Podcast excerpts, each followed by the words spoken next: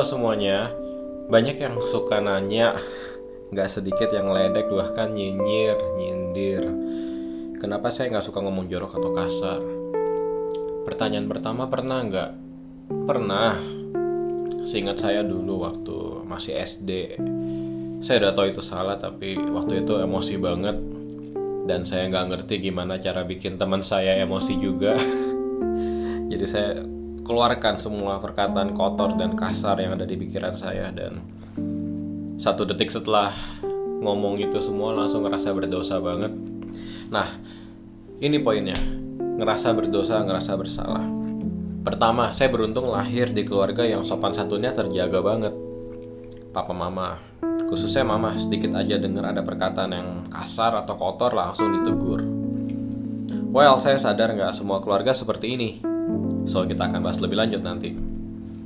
Kedua, semakin saya kenal Tuhan Yesus, semakin saya menyadari pribadi Roh Kudus itu berdiam dalam hidup saya. That's why saya nggak berani untuk ngomong kotor dan kasar.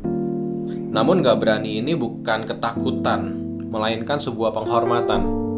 Sekali lagi, ketidakberanian saya ini bukan ketakutan, namun penghormatan yang akhirnya jadi kebiasaan. Saya ingat sebuah ayat di Efesus 4 ayat 29. Janganlah ada perkataan kotor keluar dari mulutmu, tetapi pakailah perkataan yang baik untuk membangun di mana perlu, supaya mereka yang mendengarnya beroleh kasih karunia.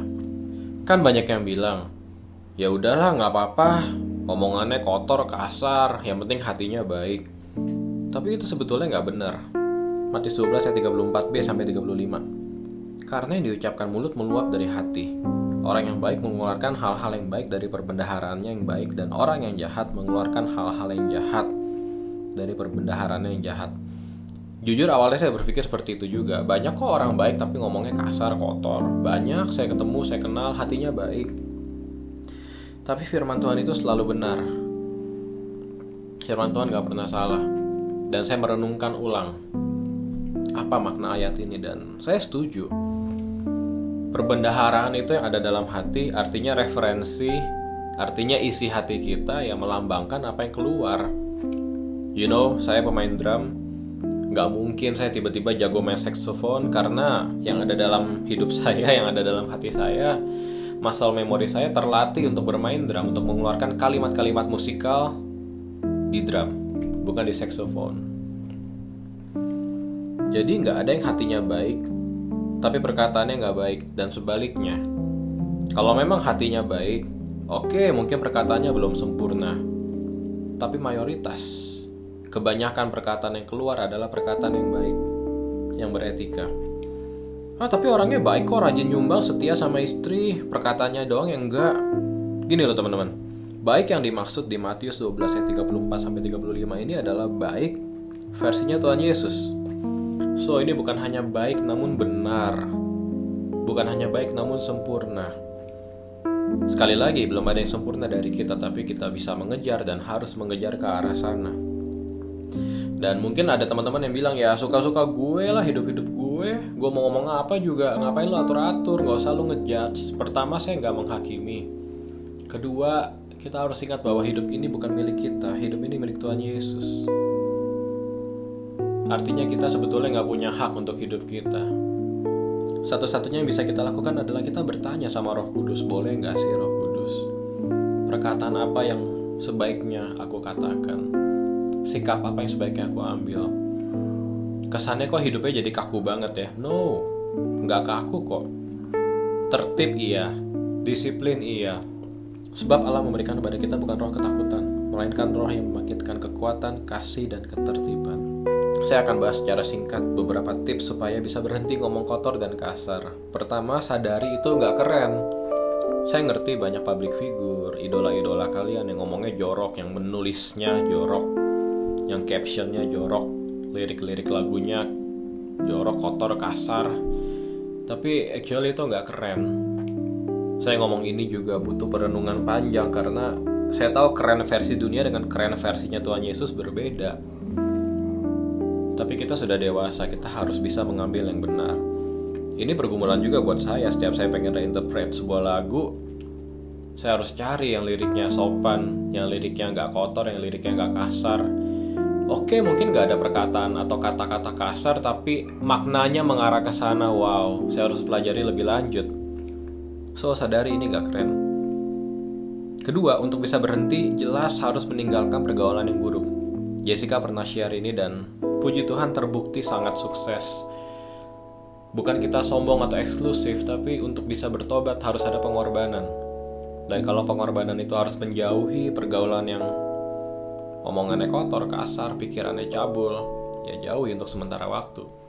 Kan bukan gak berteman, tapi mengurangi intensitas untuk nongkrong, untuk ngobrol bareng, right? Ketiga, of course, takut sama Tuhan. Tuhan Yesus pemaaf, yes. Tuhan Yesus panjang sabar, yes. Tapi tetap harus ada takut yang berbentuk penghormatan. Dia adalah api yang menghanguskan Masalahnya depan orang tua, guru, dosen, presiden, polisi mana berani ngomong jorok ya kan?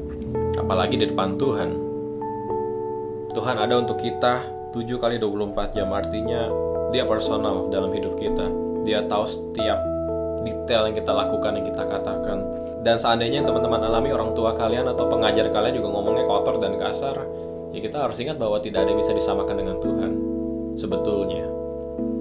Jadi harus takut sama Tuhan lebih dari takut sama manusia. Dan setelah kita takut, hormat sama Tuhan, yang keempat adalah tambahkan cinta kita kepadanya. Semakin kita cinta sama Tuhan Yesus, semakin kita membenci apa yang dia nggak suka juga. Dan semakin kita mencintai apa yang dia cintai. Itu aja prinsipnya. Kelima, perkatakan firman sesering mungkin, karena iman timbul dari pendengaran. Dan 2 Timotius 3:16 berkata segala tulisan yang diilhamkan Allah memang bermanfaat untuk mengajar, menyatakan kesalahan, memperbaiki kelakuan, dan mendidik orang dalam kebenaran. Again, kebenaran. Bukan hanya sekedar kebaikan tapi kebenaran.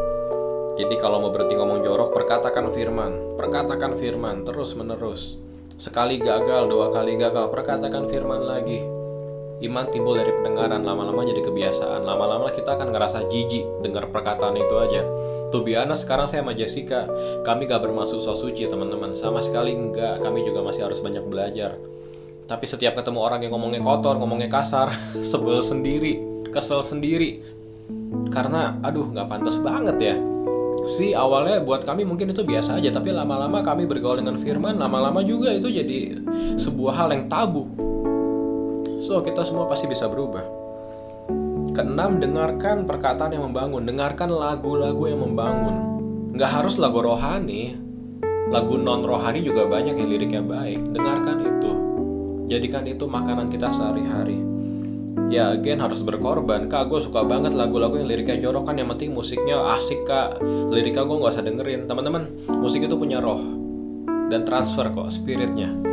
Jadi hati-hati dengan lagu yang kita dengarkan beruntung sekali di platform-platform sekarang udah ada kan yang eksplisit udah ada beberapa yang ketahuan liriknya jorok atau kasar ya jangan didengarkan mau nggak mau jangan didengarkan right dan ketujuh selalu mengingatkan diri kita bahwa Tuhan Yesus ada setiap saat bersama kita Roh Kudus selalu ada dalam diri saya. Saya sadar itu, makanya saya mau kasih makanan yang terbaik untuk pribadi yang saya hormati dan saya cintai ini.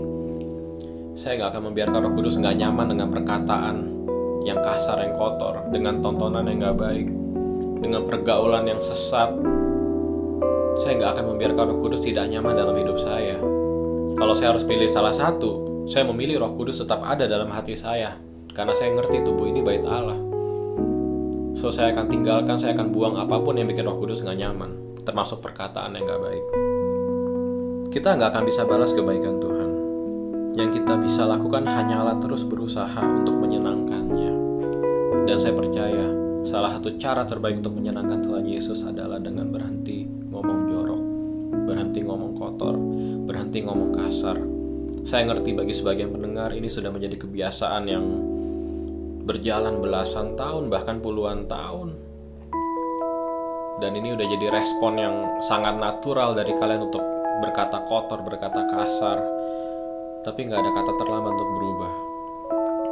After all, kita melakukan ini semua bukan untuk pencitraan, bukan untuk nambah followers. Bahkan setelah kalian mengubah gaya bicara, mungkin bukan nambah followers mungkin berkurang.